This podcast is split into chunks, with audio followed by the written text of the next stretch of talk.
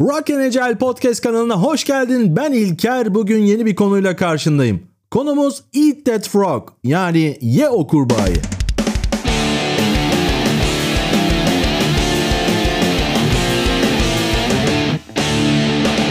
Ye o kurbağayı deyimi Brian Tracy'nin aynı isimli kitabından ilham alınarak ortaya çıkmış. Bu deyim bir kurbağayı canlı canlı yemekten daha zor bir görevin olmadığını ima eder. Yani iş hayatında en zor veya istenmeyen görevlerle başa çıkmak için motivasyon sağlamak amacıyla metafor olarak kullanılmaktadır. Bu yöntemi kullanarak iş hayatında karşılaşılan zorlu görevlerin üstesinden gelmeyi kolaylaştırabilirsiniz.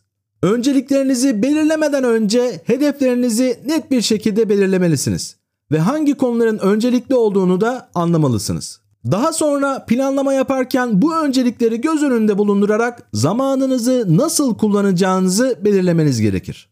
Davranış bilimci Dana Reilly uyandıktan yaklaşık 2 saat sonra enerjimizin, odaklanmamızın ve motivasyonumuzun en üst düzeyde olduğu bir zaman diliminde olduğumuzu belirtir. Yine de pek çoğumuz sabahın erken saatlerinde bu süreyi dikkatimizi dağıtmak, küçük ve kolay işleri halletmek ya da eski e-posta yığınlarını karıştırmak için kullanıyoruz.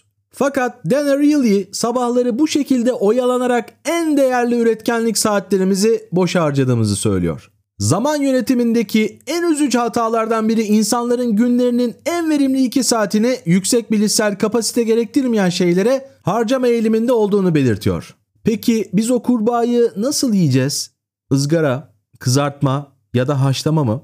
İlk adım yiyeceğiniz kurbağayı belirlemek için görevlerinizi önceliklendirin. Yaklaşan iş teslimlerinizi ele alın veya boş zamanlarınızda her zaman yapmayı umduğunuz ancak asla yapamadığınız şeyleri not edin. Bu listeden öncelikli olarak kabul edilen görevleri seçmeye ve belirlemeye başlayabilirsiniz. İkinci adım birden fazla kurbağa varsa önce en büyük kurbağa yiyin.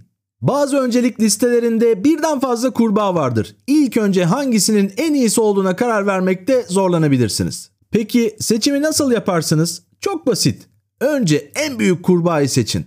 Kurbağaların iki ana özelliği olduğunu unutmayın. Bunlar önemli görevlerdir. Ancak aynı zamanda erteleme veya kaçınma olasılığınızın en yüksek olduğu görevlerdir. Bu iki kriterin sizi bulabileceğiniz en büyük kurbağaya yönlendirmesine izin verin. Üçüncü adım sabahları kurbağalarınız üzerinde çalışın. Rutinin sadece en tatsız görevi ilk önce yapmaktan daha fazlası olduğunu unutmayın. Aynı zamanda sahip olabileceğiniz en önemli saatleri değerlendirmekle de ilgilidir. Bu yüzden zamanınızı bir kaynak olarak düşünün ve her verimli günde ilk iş olarak kurbağayı yemeye karar verin.